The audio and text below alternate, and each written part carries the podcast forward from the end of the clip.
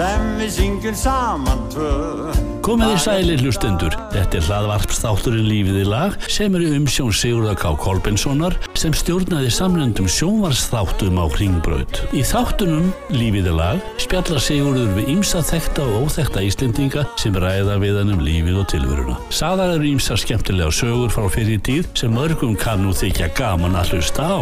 Þátturinn Lífið í lag er sendur út vikulega og styrtur af ferðarskrifstofu eldri borgara og hótelbókunu.is og hér er stjórnandi þáttarins Sigurður K. Kolbensson Gjör þið svo vel Lífið Lífið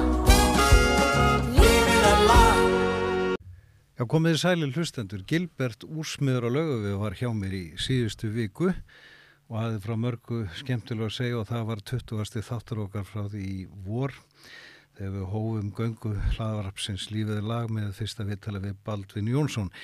En hingaði komin nýr og allt annar einstaklingur og hann heiti Kristján Möller og er landsmunum vel kunnur, siglfyrningu með meiru og fyrirverandi samgöngur á þeirra. Vertu velkomin Kristján. Takk fyrir það.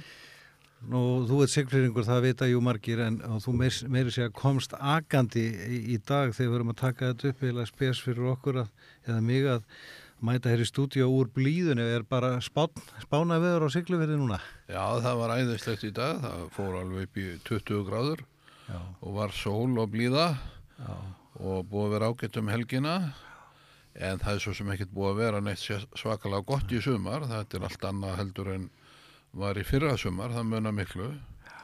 Og svo þegar ég fór að keira eitthvað um hálftólitið þá sá maður hvernig var aðeins að skýjast upp, að koma að skýja og Það voru orðið skýjað í skagafyrðinum og húnveðsíslunu og, og töluveri vindur, sunnan súldin mætti sunna þér. súldin, það var sunnanátt og hitti í staðaskála, Já, ekki norðanátt, sem að yfirleitt er nú þarna.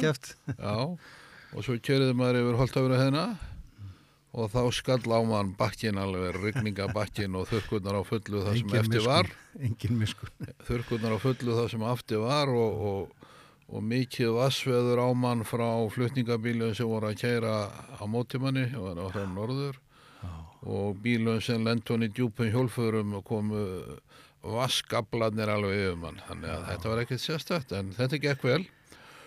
Og ég var að koma úr hátíðahöldum á Siglufyrði sem var annars vegar 90 ára víkslu ammæli Siglufyrða kirkju Hvorki meirinu minna. sem að er með 30 metra háan turn, tekur 400 manns í sæti, stort og mikið mannverki og svo er það rúsinan í pilsuöndan af þessi. Hún var víð 28. ágúst 1932 og það var á full búinn og það tók 15 mánuð að byggja allt mannverkið. Já, það var þó allan að búa að finna upp hjólið en, en það var ekki neinn ný, nýtisku tæki þá notuð. Nei, það var nefnilega málið. Að steipan í kirkjuna var hærð að höndum á stálplötu og hýfðu upp í mótin til að hella í mótin í fötum sem að tókaði með skilist eh, 25-30 kíló og svo var það hýft upp að handabli í gegnum taljur sem voru uppi. Samt sem áður tók þetta bara 15 mánuði. Þetta minnir á musterisbyggingar til forna. Já, já, vissulega. Það skilur ekki hvernig Þetta var, þetta var, voru reistar suma hverjar. Nei, er nei, þetta og eins og ég segi, kirkjan er há og stór og falli og allt það og Já. mikið maðurverki. Fallegum stað líka. Já, staðurinn er alveg sérstakur, Já, fyrir upp Ráðhúsið. aðalgötunni. Já, Maður horfi beint upp í kirkjuna og svo eru konar hann flottar og fínar kirkjutröppur sem Páll Samuelsson, fyrirvendi eigandi að Toyota, gaf sigfeyringum til minningar um foreldra sína sem að og þakklæti svott vegna þess að sigfeyringar tóku svo vel á mótiðin þegar þau þurftu að breyða búin í fljótum. já, akkurat. Þannig að þetta var nú tilefni ferðarinn en líka vorum að fagna 125 ára ammælist í Gústa Guðsmanns Já, sem var aftur alveg sér kapituli. já, koma því síðar. Já. Hérna, ég var að keira, þú ert búin að keira miljónsinnum, svo sagt er eh, norður og tilbaka suður. Ég var að koma norðar núna í sumar og þá upplýðið eitt sem ég sjaldan upplýðað. svona koma að norðan á leiðinu söður og koma inn í hrútafyrð og hann er bara speil sléttur. En mín ímynda hrútafyrði er þessi norðan blástur og bara gára og, og svona, maður fer kuldahróllóft þegar maður horfir á hrútafyrði. Ekki sjálfgeft. Jú, jú, það er sjálfgeft, það er sjálfgeft, það er alveg rétt. Það, er, það tekur á móti manni innsóið, norðan áttin, hafgólan þegar maður stoppar í staðaskála eða þarna á þessu svæði og það hefur verið doldið sérstætt, þetta hefur verið svona mikið logg þarna þegar þú varst að ferð. Það er, það er ekki oft, Nei. en það gerist, það gerist. Nú, ég ætla að að, að spóla tilbaka, sko. Þú ert fættur á Siglufyrði á, á sjötta áratögnum ekki rétt. Og, og hvernig, sko þetta er á þetta er á hérna svona á síldar árum eða svona daldi fyrir kannski hápunkt þeirra en alltaf síldaræfintir eins og við vitum það var því ára tíu sko. En hvernig var lífið þegar þú var strákur á Siglufyrði segðu okkur svolítið frá því. Það var náttúrulega alveg frábær sko. Ég er fættur 1953 og, og það komið þarna nokkuð góð síldar ára á eftir. En 1967 segjum við nú svona síldu við nú lauk og síldaræfintirinn lauk á Siglufyrði.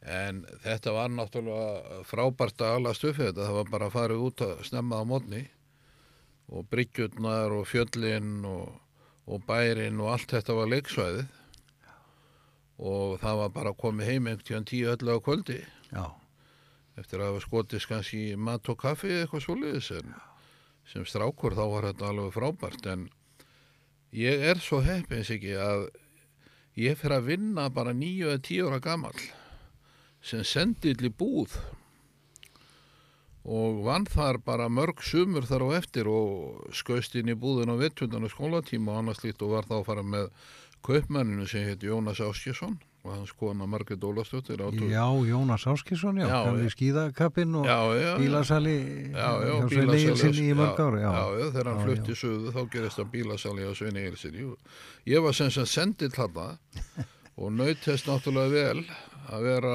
í hálfgjörum háskóla þarna hjá Jónas hjá Möggu. En fara líka með sendingar í nánest öll hús og búðin var miðstöðin í bænum, það kom allir að það já, þannig að ég kynntist bara sem barn, úlingur má segja næstu við öllum bæjarbúum. Já, og ég hef ræktað það vel. Og mér líður frekar illa með ef ég sé einhvern sem ég veit að er bæjamóður og ég er og ég er ekki alveg klára á hver hann er og þá geng ég bara á viðkomandi og spyr um það þannig ég vil halda þessu við. En svo tóku við þarna ár og, og, og bara 13 ára þá fer ég að vinna hjá Síldafensmið ríkisins. Hugsaður á efnaransóknastofu og vinna á vöktum nokkur sumur á sex tíma vöktum.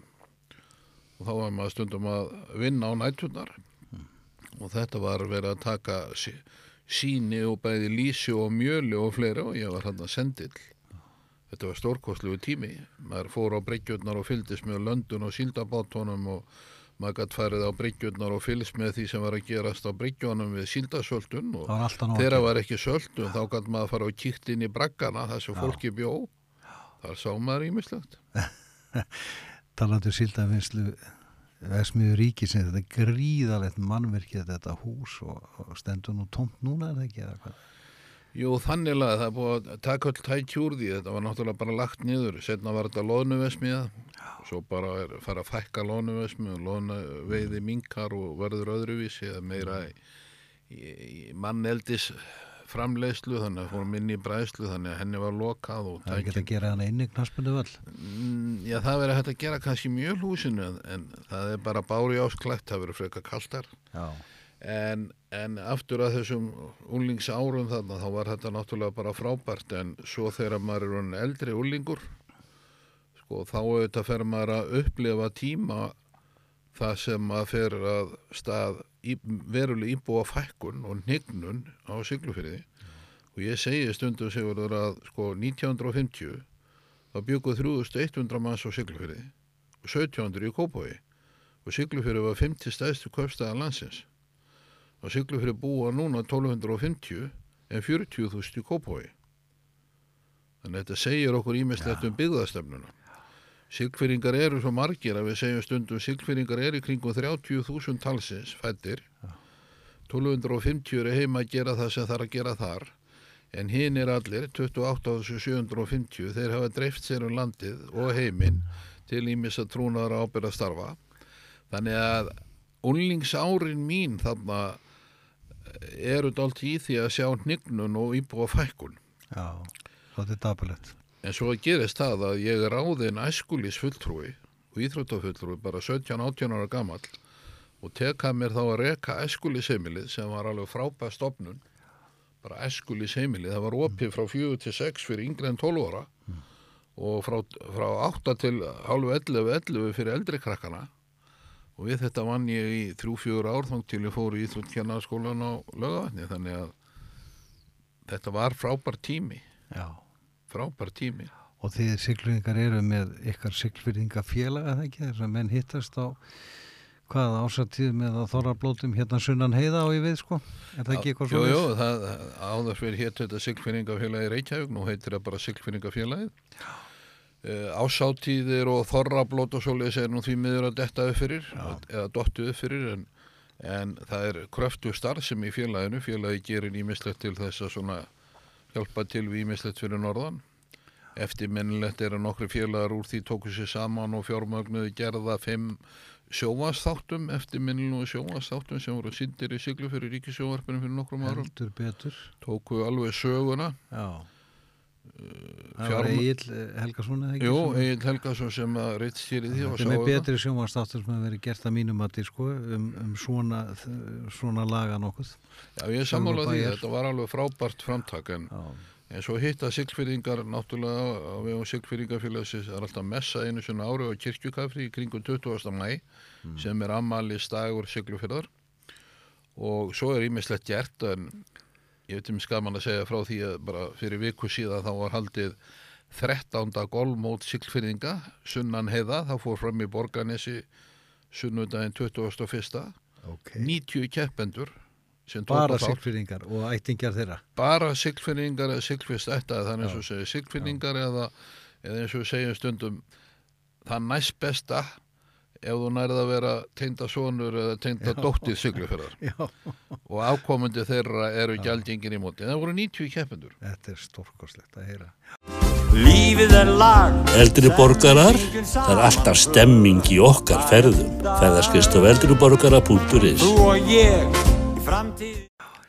Talandi aðeins um meira um íþróttir og annað eh, þar sem ég þekki nú vel til sjálfur sko að sem úlingur komandi hérna fyrst 1973 keppi badminton. Þið áttu náttúrulega gríðarlega öfluga úlinga á þeim tíma.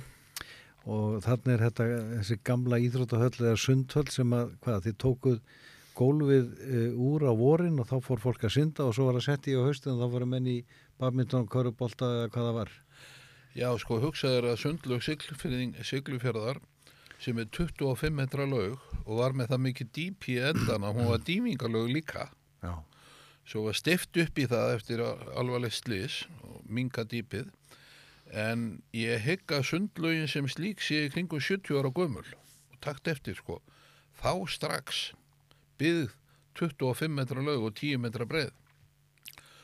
Og hún er staðsett aldrei sérstaklega í bænum vegna þess að yfirleitt er nú svona mannvirki miðsvæðis en það var eitt sem að réði því að hún var byggð þarna fyrir cirka 70 ára, nú er ekki alveg með á hreinu hvaða orða var eða búin að gleyma því og hver skildi svo ástæða hafi verið? Jú, að í fjallinu fyrir ofan þá var ramagsvirkjun til að virkja kvannerána til að framlega ramagn og kæli vatni af vélónum var leitt í leiðslu og rann inn í sundlaugina. sniðut Það var ástæðan fyrir hún var byggð þarna. Svo 1967 á ammali siglufjörðar, miklu, 1968 á miklu ammali siglufjörðar, árið sem strákagöng opnaði ekki? Nei þau opnuðu 67 árið 67, undan, já. en 68, þá samþykki bæjastjórn að kaupa golf frá Bretlandi. Rosalegt játnavirki sem var sett í þróna, passaði alveg eftir öllum halla og öllu því og parkett og ná og þá var sundluðin notu sem íþróttahús á veturnar og þar var að því þú varst mikill badminton spilar og ég maður vel eftir þér að koma að það að þar voru fjóri badmintonvellir. Eitt góðu blakvöllur ágæti sandboltavöllur og rosalega mikið notaði innanhómsfótbolta og þannig var þetta notað alveg eh, bara í ein, 30 ár. Og mörkin dregin fyrsta mæ og hvað fyrsta óttobæri? já, eitthvað Já, þá komu bara kallanir á gólfið. stiltu upp gólfinu og settu upp. Já, og svo komuðu bara eitthvað fyrsta mæ og tóku saman og, og pökkuðu því inn í herbyggi sem var renni og var að láta henni í lögina já. Já, já.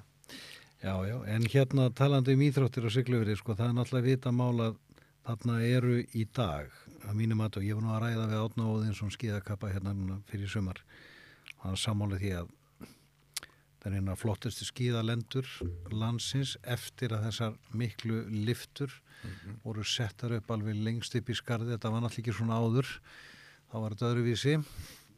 Og þarna fór fram náttúrulega eitt þekktasta skíðamót landsins sem var svona slútt hjá skíðamönu, skarsmótið, kvítasunnu en, uh, en hvernig sko eru þið ekki að, eru siglfyrringar, nú veit ég, þú býrðar ekki núna og fylgist ekki þannig með en sko siglfyrringar eru að fá svolítið að fólki úr Reykjavík eða hérna sunnan að bæða skíði og gönguskíði og, og þetta, þetta svona, er það ekki drífur svolítið fólk að það norður, sérstaklega eftir að göngin opnuðu? já, mjög mikið mjög mikið, við rætt það á eftir sko, hvað gerðist við opnum híðasverðaganga, það var mjög mikið. En þú spyrir um skíðasvæðið. Já, það er alveg frábært skíðasvæðið. Og loksins en það þurfti snjóflóð til að eðilegja fyrstu skíðalyftuna sem, sem að byggðu var í hólsinnunni og var bara lánið okkar að það gerðist ekki tveimundum fyrir, þá var það svæði fullt af úlingum á úlingamistara mót Íslands tveimundum setna fyrir snjóflóð og eðilegur þetta. Þá er ákveðið að fara upp í Siglufjörðaskarð sem við vissum alltaf að var langflottast og besta skíðasvæðið okkar en það var bara svo stórt og mikið að við töldum okkur aldrei hafa efna á að byggja það upp síðan er farið þangað upp yfir vegurinn endurbættur og liftu settar upp og er enn verið að. Og það er rétt sem þú segir þetta er svakalega flott og skemmtilegt síðasvæði. Og það er jú rétt hjá þau líka að það er rosalega mikið sótt af fólki af eigafræðsvæðinu og sérstaklega hérna á höfuborgsvæðinu og þar kemur fólk til að vera á skíðum og þar kemur fólk til að sækja göngu skíðanámskeið og þar kemur fólk til að bara leika sér á gönguskíðum Já. og auðvitað breyttist þetta rosalega árið 2010 þegar héðansfjörðagöng opnuðu. Þegar segja að segja að gömlu menninina þau rættum með síldaráðurinn og minn ung- unglingsár gömlu menninni töluðu siglufjörð með glampa í augum fyrir og eftir síld. Fyrir 1967 þegar síldin hvar og eftir. Nú tala flest allir um siglufjörð fyrir og eftir göng héðansfjörðagöng það er breyst, já, svo langt síðan síldin fór. Já, en sko það var bara svo rosaleg breyting. Já, það var bærin komst í alfara leið hann er ekki endastöð. Nei, var ekki lengur eftir það. Það var ekki lengur endastöð að fara upp á krók í 90 kilometra eða 120 inn á Akkurri að sumri og 180 vetnar nú eru þetta bara 70 kilometra inn á Akkurri 15 í Ólasfjör og 30 á Dalvík.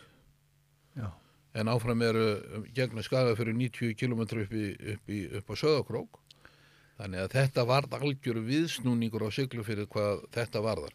Og auðvitað í beinu framhald að þessu og ég segi stundu ég heldur aldrei hefði gest þessi svakalega uppbyggingi ferðarþjónustu á siglu fyrir nema því að híðansfyrir göngin voru gerð og opnuð. Vegna þess að það var bylting, já, það, ekki bara fyrir siglufjörð heldur líka Ólasfjörð já, já. og líka Dalvík sem voru líka svona endastöðar það er alltaf geta líka því saman hérna áður fyrir þegar menn voru að keira í vondum veðrum um miða vetur í hríðarkofi mánaskruðu sem var nánast bara lífsættulegt en það verður þar manntjón á árum áður. Og þetta er, þetta er bara sko þessi framkvæmt eins og síndum að kvalfjörðagöng sem er nú kannski svona ein mesta og mesta þarfa þing í samgöngubótum á Íslandi fyrir og síðar að því að það tengir höfuborgarsvæði svo mikið náttúrulega við alla sem eru að fara á vestur og Norrland en, en nú komum við aðeins að því sko að þú ætlum ekki að ræða mikla pólitík í þessum þáttum að þá varst þú samgöngur á þeirra í Ríkistjórn Íslands og, og komst að þessum eh, og varst ráð þeirra þegar var, verið var að ljúka við gerð þessara ganga sem tók nokkur árið ekki Jú, jú, það var, það var byrja á hins fyrir göngum en við byrjum hins vegar á öðrum í minni tíða, til og svo bólungaukugöng. Lík bylting sem það varð. Já, Ég er ekki vissum að væri verið að reysa þar lagsa sláturhús í dag sem að mun veita 110-20 manns vinnu og opbóðslega umsvif nema að því bólungaukugöngur er komin, 5 km göng. Það hefði ekki verið ef að hefði þurft að treysta á óslíðina. Nei, eins og bara nýja útsýnspallin og bólafjall, Já, og, ba- og bara þetta allt saman já, sko. já, já, Þannig að sko þessar stóru samkvæmingu framkvæmdi sem kosta mikið þær skilja alveg rosalega mikið eftir sér og það liggur við að maður segja sko að ríkið þurfi ekki að vera að gera mikið meira eftir það. Síðan á bara enga framtæki að taka við. Já, eins og gerist á Siglufjörði, eins og gerist í Bólugögg með lagseldið og bara eins og er, tekið Norrfjörðagöng og fleira og fleira. Já. og við segja Sigurður að ég var í ríkistjóð 2007 til 2010 og það er á þeim árum þegar bankarhunni verður og allir þeir erfileika sem þar voru það er gaman að segja frá því að þetta eru mestu samgöngu framkvæmdar ár Íslands sögunar ég leifi mér að halda því fram að árið 2008 eða 9 sé ennþá Íslandsmet í framkvæmdum í samgöngumálum á Íslandi. Það hefur ekki verið slegið. Það var rosalega margt gert, ekki bara kláru hérisfjörðagöngu að byrja á bólungagöngum, 55 km varanlegu vegunir á Vopnafjörð, Suðustrandavegur, eh, nokkra brýr og fleira. Þetta var náttúrulega alveg sérstaklega ánægulegu tími í samgönguframkvæmdum vegna þess að að má ég lega segja ég gætt nýtt mér við gotum nýtt okkur það sem vildum gera mikið í samgöngumálum þessa erfileika, atvinnuleysi samdrátt og allt það og svona hagfræðu 101 ríkið á að standi framkvæmdum á svona árum þegar einstaklingsframtæki er ekki eða getur ekki einhverja hluta vegna. Og við nýttum það svo sannarlega öll þessi ár. Já. það var rosalega mikið gert á þessum árum. Og annað undirbúið. En við verum auðvitað líka vera sangjarn og segja sko framkvæmdir í samgöngumálum og samgönguállun er eins og stórt og mikið olíuskip sem siglir vel áfram á miklu skriðþunga og tekur dálítið tíma að breyta um stefnu. En þarna gáttum við gefið í og haldið áfram sem skilaði rosalega miklu. Lífið er lag. Eldri borgarar, lífið er ekki bara lag, það er einnig ferðalag.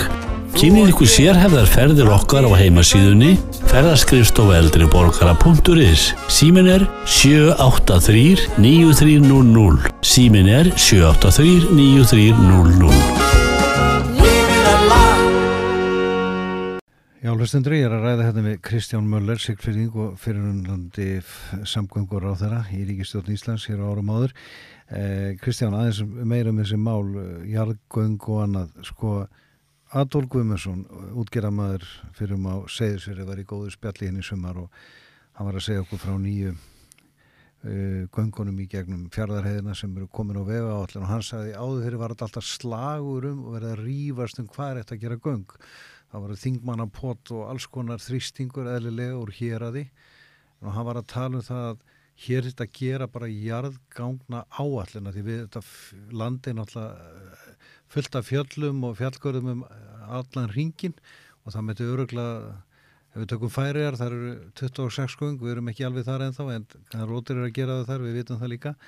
En sko, ertu sammálaðu þessu? Gera kannski jarðgang áallin til 20 ára, er það er vit í því? Já, já, sko við höfum haft jargangáallun og unnið eftir henni. Og það er alveg rétt, það er tekist á um framkvæmda röð og hana slíkt en það er líka oft gert að faglegu mati hjá vegagerðinni eins og niðurstaða með að gera, gera héðinsfjöragöngu eins og þau eru gerð og hvena þau voru gerð var eftir mat mikið samráð sem haft hafði um, um vinnuhópa og fleira Sko, á þessum erfileika tími sem ég var að tala við áðan um í samgöngur á þeirra tíð minni eftir bankarhönni og þessa mikla efnu að skreppu, þá var að vera að vinna við að gera ekki bara einjargöng, heldur tvö og jafnvel þrjú. Ef við tökum valaheðin inni sem að byrjað á, Já.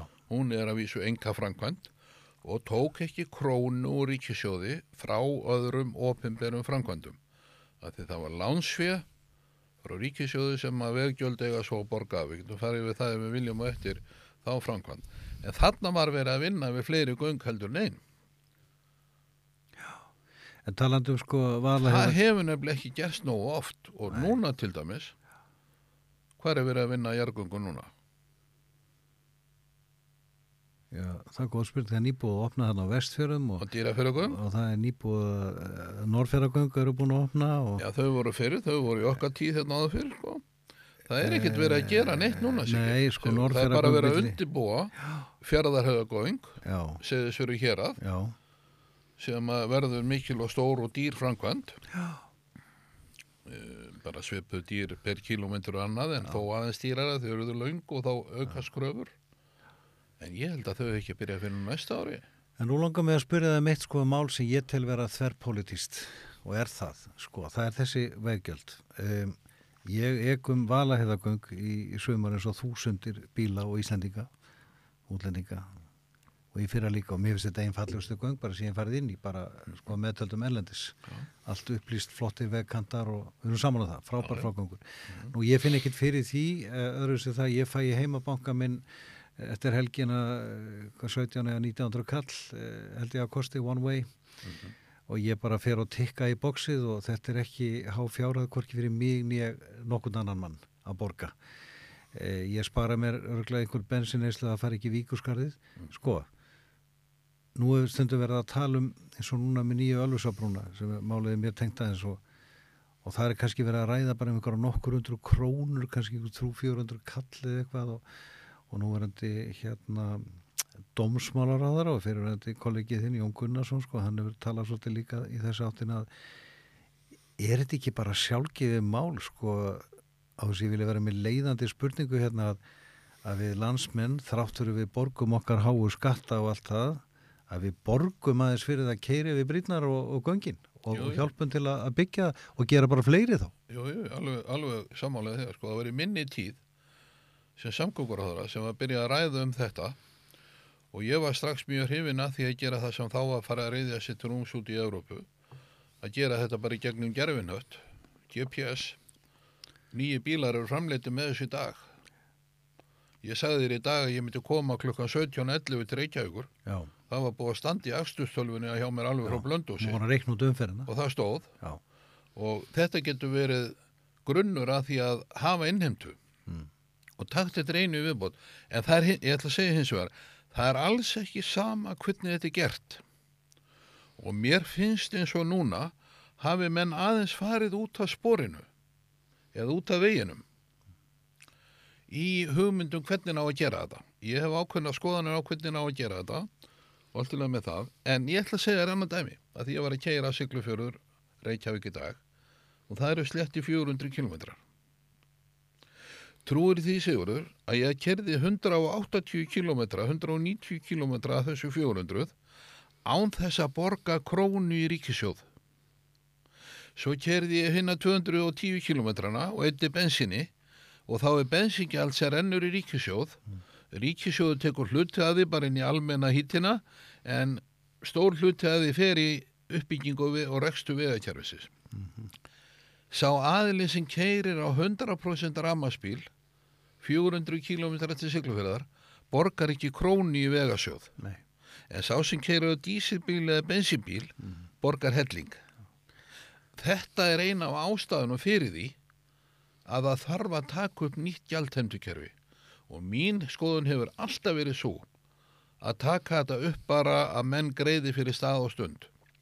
Ef þú fernir í hörpu og leggur bílnum á þú fyrir á leggsýningu þá tikka GPS-i bara inn og fer inn á mánaðareikningin eins og símareikningin. Ef þú keirir yfir nýja Ölfusárbrúr þá tikkar það þar inn og fer inn á reikningin. Ef þú ferið og keirir í gegnum ný fljótagöng millir siglufjörðar og fljóta sem vonandi koma sér fyrst þá tikkar það þar inn og svo ferð þú reikningi lok mánaðar Já. bara eins og símareikningin og borgar hann. Já. Þetta er framtíðin. Að gera þetta í gegnum GPS-tæknina á rafrannan hátt og Evropasambandi sem passa nú upp og ímislegt gagvat personinjósnum, þeir eru búnir að ganga frá reglugerðu öll um það hvernig stóri bróði getur ekkit verið að njóstna um þig hvar þú ert að keira eða hvar þú leggur. En sko eins og þetta er, er í dag, í þessi vala hefða göngum, þar sem allt er sjálfgráð, það er ekki mynda bílnúmera plötuna það ekki Jú, og, jú. og eigandi bílsins fær sendt bara á sína kennetölu. Já, Já. en þú getur líka verið búin að fyrirfram gera, kaupa, Já, uh, 100 með kort fyrir held þá 70.000 er það forreita bara þannig Já, Já, og þá tekkar það bara út og inn. út á einu, já. en þeir sem keira sjálfnar Já. eins og þú varst að segja frá þann það kemur bara í heimilum mynd af, af númeraplötinu og heimabankaðin Sko ég held að þetta sé, það er náttúrulega með öll mál, bæði stjórnmál og, og an, annar laga einhverju, það er alltaf einhverju sem er á móti, við vitum það, við náum aldrei 100% samkúmlega í hlutina, en um, og það er alveg ljóst líka að upphalega er þessi undan þáa eiganda rafbíla frá greiðslu sko bifræðagjalda eða vegagjalda, eða hvað við kallum þetta, er til þess að hvetja til innkaupa á þessum bílum. Það hefur tekið spærilega. Já, já, Það er en bara, sko en, en segur þar er líka afslátturinn og virðisaukaskott og aðflutusköttum Nákvæmlega. og allir því menn hafa bara trassað allt og lengi já, að ganga frá greiðslukerfinu hvernig á fjármagna vegasjóð sjá til dekka ramaspíl eyðirst og eyðir hérna malbygginu alveg nákvæmlega eins og hvort það er bensin eða dísilbíl. Það er engin munar á því. Já, en svo erum við bara með það kerfi að þeir sem eiga bíl og keiru vegi að þeir leggji í vegasjóð til að reka vegina og líka til að byggja upp veg, veggjald, vegasjóður en það hefur ekkert verið tekið eftir á því eftir að þetta fór að gerast Nei. eins og ég segi, helmingurna leiðinni hjá mér dag var gjaldfrjáls til vegasjóðs Já. en helmingurinn með gjaldi Akkurat. Herðu, snúum okkur aðeins, um, já en þá reyndar að samgöngumálum, sko, þú nefndir á hann hérna og nefndi við mig í sjónvarsviðtali fyrir ykkur einu, tveimur árum síðan og síndi mér þá mynd af nýju svo kvöldu fljóta göngum úr Siglufyrði inn í getnum fljót þar sem að er bara aflögð leiðinu strákagöng og þarna uh, vestan megin. Hvað er málið statt? Málið er statt, það er komið inn á samgöngu áallun. Það er búið að veiti þetta svona viðurkenninga greiðslu til rannsókna. Uh, Vegagerinn er búin að velja stað, það komið tveir staði til greina. Já, Annars það er búið að velja stað. Já, annars vegar að fara undir Siglufjörðaskarð og koma út við raun í fljótum. Já, Hins vegar að fara inn í Hólsdal, inn Mhm. fyrir golfvöllin sem nú er endi nýja flotta og koma út fyrir ofan Kettilás og fara sjóliðið. Þetta eru 5 km göng og stytti leiðinu um 16-17 km. fyrir utan áættinu og fyrirhöfninu og allt það. Já, og fyrir utan afleggja uh, tæplega 60 ára gamlan úreldan veg, stórhættulegan. Spara snjómástur. Já, já, og allt- miljónu skiptir. Og, Já, já, og allt þetta sko, þannig að þetta er á þessum stað en það er auðvitað eins og við rættum um áðan, fjárðahæðagöng eru næsta dagskrá Mm. og þau kosta mikið af því þau eru löng, er ekki kostnar á allunin 40 miljardar og það sem að hryggja mig svolítið er hvað ríkjasjóður ætla að leggja lítið úr ríkjasjóði í þá framkvæmt og ætla svo að fara í einhverja gjaldtöku af göng, öllum göngum á Íslandi til þess að fjármagna restina. Og ég segi fyrir mitt liti það er það, er, það eru feilar í þessu. Það gengur ekki að rukka uh, veggjaldi í jargungu það sem mútti kera millir bæjalhuta siglu fyrir Ólasfjörður Fáskosfjörður fjörðabigð og allt þetta er reyðafjörður Ísafjörður bólungæk sama þjónustusvæði. Við erum að finna upp aðra aðferð. Það þarf að skapa miklu meiri sátt um hvernig við ætlum að hafa þetta framtíðar fjármögnunar kerfi. Þegar ég var samgöngur á það þá fekk ég normenningað sem lístu því þá þetta er 2007-08 hvernig þeir gera þetta. Þeir kannski bara taka þetta fyrir í þinginu þá að byggja jargöngu Norðunóri og það er mikið samfélagslegu þáttur í framkvæmdinu og þá segja þær, herðu, ríkjaborgar 80 vegfærandu 20 svo ætlaður að byggja jargöngu eða brú eða eitthvað flott eða hraðbraut við Oslo og þá segir, herðu, vegfærandu borga 80, ríkjaborga 20 og það er tekið úr einhverju svona samílu vegsjóði þar sem öll gjöld fara inn Já, eru eyrnamert framkvæmdin en ekki fara ekki í hítuna. Já, Já, það er nú stórmunur á því sko. Sigur, veistu, það er kannski ekkert vinsalt að segja en það ámar ekkert endilega verið hugsað. Ég var þeirra skoðunar, þegar var búið að borgu kvalfyrragöng, að það hefði átt að taka hálsmánaðar, hálsás greiðslu án greiðslu og svo áttum við að byrja þar kannski um áramótina eftir eða tveimur ánum setna að tekka vegjald þar til að fjármagn og setja það strax í vegasjóð til að taka þátt í að borga framkvæmdur upp á kjalanesum tvöföldun, 2 pluss 2 veginn. með loksins að gerast núna, 20 Já. ára senna Já, og þannig áttum við að halda áfram já, að byggja upp, svo byggjum við nýjar göng já. og þá tökum við gjald þar. Það sé Eð- bara flæði, framkvæmda flæði Já. sem tekjur renna frá einu verkefni í annað. Já, Og tvöföldunin Reykjavík Selfoss, já, hver að gera þú Selfoss, já. þar áttu við að taka upp eitthvað lámas vegagjald. fjölfarnasti vegur landsins. Já, ég man eftir að það var eins og búið að reikna út að þetta væri kannski einhver 200 kall. En talandi um það, ég ek þetta nokkru sinni í viku, Mhm. búandi á Selfossi. Og nú er um það byrja að fara að opna stóran kabla þarna sem að liggur frá, liggur, liggur fyrir neðan köfunarhól að uh, nýju ringtorki þarna rétt fyrir ofan Selfoss. Mm.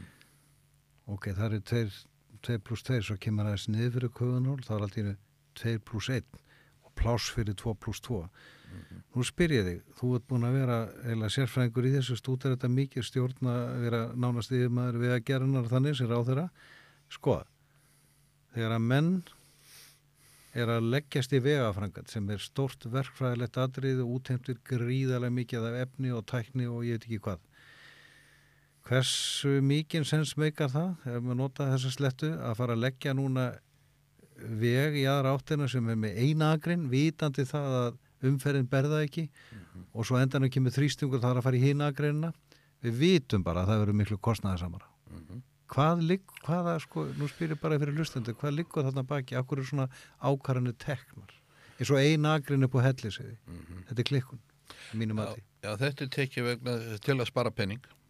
Já, Það er ekki, til, það ekki til nóg fjármagn fyrir framkvæmdini og öllum öðrum framkvæmdum og þá er þetta gert svona og þetta er svona frestun. Mm. og eins og segir, allt var hannað fyrir 2 pluss 2. Ég var alltaf þeirra skoðunar að 2 pluss 2 ætti að vera frá Reykjavík alveg austur fyrir vegna þess að þetta eru fjölförnasti vegu landsins og það átti að gera það strax. Og það hefði kannski verið hægt að gera það öðru ef það hefði verið búið að búa til vegsjóð vegasjóð með annars konar gjaldheimtu og, og, og, og meiri þáttöku inn í það og annars líkt en það má heldur ekki gera það þannig. Það er stort atriði. Að stjórnvaldi má ekki um leið og settur á svona veggjöld út um allt hætt að veita fjögur ríkisjóði það er það er það þarf áfram. Og bara eins og vorum að ræða hér um í sköngu og ymsa framkvæmdir og eftir sko. Þegar var búið að gera héðsverðagöng svo við takkir sér dæmi eða bólugöngum þá er bara búið að veiti það fyrir það þarf ekki að gera þetta næstu 100-150 árin. Nei, bara komið. Það liður 20 ár eða 25 ári, manni hvað það var síðan þurfti að malbygga gólfi í lag Eldri borgarar, kynnið ykkur fjölbreyttar ferðir á heimasíðunni ferðarskristof Þú og eldriborgara.is ég Í framtíðinni Já, hlustundur, ég er að ræða hérna við Kristján Möller frá Siglufyrði og fyrirhundi samgöngur aðra. Og Kristján, látum aðeins umræðin um samgöngumál og, og smá pólitík því eh, hér tengt eh, lokið. Og nú langar mér svona aðeins að ræða við það fyrir að síða á setnilutan hjá okkur. Er það hættur að vinna? Nei, ég, ég, ég held ég, ég held ég sé þannig að ég get aldrei hætt að vinna. að Ég held að sé það leðilegsta sem maður gerir að hafa ekkert að gera. Hvað þetta fástu þess að dagana? Þá við segir að um leið og ég hætti á þingi þá var það svo skrítið að þá fóru aðilar út í samfélaginu að hafa samband við mig. Fyrirtækja eigendur, ferðaþjónustu aðilar og ýmsir til að fá mig í ráðgjöf og málafylgju. Ég nota orðið málafylgju maður, málafylgju í staðan fyrir lobbyisma. Já, mjög gott orð. Og, og ég get tekið sem dæmi sko, það var eitt af því fyrsta sem ég var beðin um að gera, það voru ferðaþjónustu aðilar á Kili sem báðu mig að koma og aðstofa sig við það að fjármagna og finna leiðir til að leggja háspinnu í jörð allalegð upp á hverjavöldi og það tóst og 300 miljón krónar verkefni ef maður rétt og það tóst á lokum ég segi stundum það var tekið fimm sinnum fyrir í ríkustjórn og það endaði með því að ríkisjóður auðvitað lagði í þetta pening því þarna vorum við að taka út fjórar, fimm díselrafstöðar og mikla oljunótkun og mikla ólífu flutninga um, há- um hálendið. Það Hugsaðir þarf að vera starfsemi það, við erum að túnastöð já. og áningastaður. Já, og ferðarþjónustun og Já, allir, þeir gáttu já. stundum ekki eldað og hitta á sama Nei. tíma Nei, og, og oljubíla sem kerðu hann um með kannski 60-100.000 lítra á sumri, hvað hefði gæst ef einn hefði farið á hliðin og komið gat á tangin. Svona hef ég verið að vinna ímisverk fyrir byggingaraðila og bara fleiri og fleiri, stór fyrirtæki hérna í landinu. Og ég hef rosalega gaman að þessu, ég get svolítið stýrt þessu líka hvernig ég ger þetta, þannig að þetta sjálfstætt ekki, já, þetta trublar ekki golfvíkun á sumrin. Nú, síðan er það þannig að við hjónin vorum með fyrirtæki áður en ég fór á þinga á Siglufyrði sem var Vestlun og velunagreipa fyrirtæki. Við seldum Vestlunna en konan tók að sér að reka velunagreipa fyrirtæki ég, allan tíma meðan ég var á alþingi Nó að gera því. og, og við erum að reka það enn og höfum gaman af. Þannig að það eru íþróttafélug sem eru að ykkur. Akkurat og, og, og ég fæ ofta svar í síman og taka niður pantanir að tala við menn og þá er það vísvegar á landinu, allt sem að góði kunningja mínir. Og svo fæ ég að fara í postinn með sendingarnar og takt eftir. Nú er ég aftur byrjaðar að vinna það sem ég byrjaði sem sendill. Komið ringin. nýjára, ég hef komið hringin Já. og ég ætla að enda sem sendill. Tarandu golfið um, sem ég er nú mikill aðdáðanda og búin að stunda lengi eins og þúsundur ístendinga. Finnst þið golfið ekki afslappandi og þægilegt svona? Jú, það er rosalega skemmtilegt og ég segi stundu frá því við, ég og strákandi mín í þrjörju, við gáum konunni minni golfsett en hún var 50, það beði nýri bílskur held ég 6 eða 7 eða 8 ár. Og svo náði kona mér á stað, ég held ég gæti ekki spila golf út á bakveiki ég þurfti að fara tvisvar í bakveiskur og var einu degi frá þeim þriðja með brjósklós sem að háði mig mjög og ég held ég gæti þetta ekki bara konan var svo þraut seg og hún fekk mig með í golfið það er ekki nema 7-8 ára síðan Það er ofta öfugt sko. Þær Já. koma á, eftir Já, kvöldunum. já, og, og henni tókst það og, og við höfum alltaf stoppað síðan. Það er eini galli við að við, borg, við byrjum kannski sjö sinni sjö árum of sinn. Já, það er nú þannig. En hvernig finnst þér þá nýji golfvöllurinn inn, inn á Siglufyrði? Hann er mjög góður, Já, fallet land og fallet umhverfi. Ekkert mjög erfiðu þannilega, hann er hann til dælu auðveldur að ganga á sléttlendi, svona fyrir fullorið fólk sem er að vera 70 eins og mig. E, hann er náttúrulega, hvað sögðu við, yngsta brautin, hún er ekki með 5 eða 6 ára gömul. Þetta er tekund aldrei tíma að gróa upp og en þetta hefur gert alveg rosalega mikið fyrir siglufjörið í ferða þjónustuna. þetta er fallegu staður sko. Það er nefnilega ekki nóg að hafa bara gististaði eða eitthvað svolítið. Það Það þarf aðþreyingu. aðþreyingu. Skíðasvæði eins og rættum um vettunar, golvöllun og sömurinn og góða veðrin í fyrra, þá var völlurinn sneisa fullur alla daga. En þessi völlur hefði ekki gerst án aðkomu hérna Róberts uh, Guðfinnssonar. Guðfinnssonar. Nei, nei, það var eins og svo margt sem gerðist eftir híðinsfjörðagöng. Já, Hann byggði þetta stóra og myndalega hótel. já, Það fer ekkert. nei, það fyrir ekki neitt. Hann er búin að leiða svo út af reksturinn núna og allt í lagi með það. Já, inn í það er keðju. keðja með það. Já, já, bara bara allt í ekki lagi. það vel, hann á húsegnina. Já, já, svo leggur hann pening í að gera golvöllin og leggur pening í að breyta skíðasvæðinu og við erum eitthvað að sjá alveg hvernig þetta allt saman þróast en þetta er nöysilega aðþreying og mikilvæga þáttur í bæjarlífinu Eins og síldarmiljan safnið. Með merkjulegu söfnum landsins vil ég meina. heimsins Heimsins. Heimsins. Já, já. Þetta er ótrúlega eðlilegt að bátar hann inni og... Já, og síldarminasafni hefur fengið margar alþjóðlega viðurkenningar sem eitt besta safn sinni tegundir í heiminu þetta er þrek mikið virki svo. hafa sett þetta upp. Já, heyrðu, Anita Ellefsen safnstjóri, hún saði mér í safnahúsinu á lögadaginn þegar vorum að minna Skústa Guðsmas 125 ára ástíðar hans þá sagði hún mér hvað? Að það eru tæplega 70 sölduna síningar í sumar það sem er sett síld í kassa og stúlkur koma á haustjara og salta og ferðamenn koma að til að fylgjast með sérstaklega á, ferð, ferðamannaskipunum og það eru, hún er að slá met bara núna eftir viku í fjölda aðsókna í, á safnið það búið að vera svo mikil aðsókn Veistu hver fjöldin er? nei, segur ég þór ekki að fara með Nei. það því ég er ekki með tölun En þúsundir allavega. það voru yfir, það voru sko hvort það var 22.000 eða 24 eða 26 mann ég ekki en, en hún let bara mjög vel að því þrátt fyrir að veðrið hafi verið norðalands eins og það búið í sumar. Já, Að því munurinn á sumurinn í fyrra og núna er svona næstu því eins og hvít og svart. já. Nú, svona lokum, Kristján Möller. E, já, þú ert að nálga 70, tíminn líður. Þú lítur nú ekki út fyrir það. En e, mér sé á þér að holningin og fast þitt og, og svona lífsgleðin og skín út fyrir og, og vonandi hérna gengur allt vel eða ertu björnsinn á næstu ára, ára tíu. Já, já, ég vona bara að maður fá að vakna á hverju mótni, gladur og hress og, og með góða helsu. Ég er náttúrulega búin að vita það í rosalega mörg ársigur að ég er eh, 30 cm á stuttur miða við þyngd. og það er auðvitað háir manni, en mamma saði mér einhvern veginn að ég hef verið eitt þingsta bat sem hefur fæðst á Siglufyrði og ég hef aldrei sannreint það en ég trúi henni alveg en Hún er ennþá á lífi móðin, eða ekki? hún er á lífi og hún var að koma með okkur frá Siglufyrði og hún er 90 níu ár- hún er níu árum eldri heldur en kirkjan. Hún er Nít- 99 ára. hún verður 99 ára eftir þrjár vikur. Já, og er bráður hess alveg. En, en eins og ég segi, ef hilsan verður góð þá bara vona ég að maður geti haldið áfram að gera það sem er gaman og skemmtilegt. Ég meina, ég alveg dyrkað að vera hérna í sækjum og sendum já, skuttla börnunum, barnabörnunum á æfingar og svona, ég segi stundum að það er daginn sko, ég fór 63 km í daginn já. Þú kannski endar á því að skráði í símaskránu sem Kristján Möller sendill.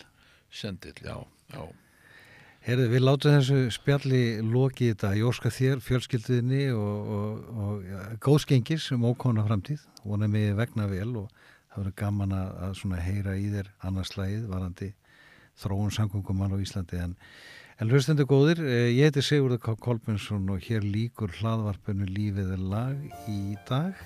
Hjá mér var Kristján L. Möller, eh, eh, siglfyrringur og fyrirvændi samgöngur á þeirra. Og í næstu viku verður allt annað viðmælandi en eh, við látum þessu lokið og lokum minni á að lífið er ferðalag. Takk fyrir.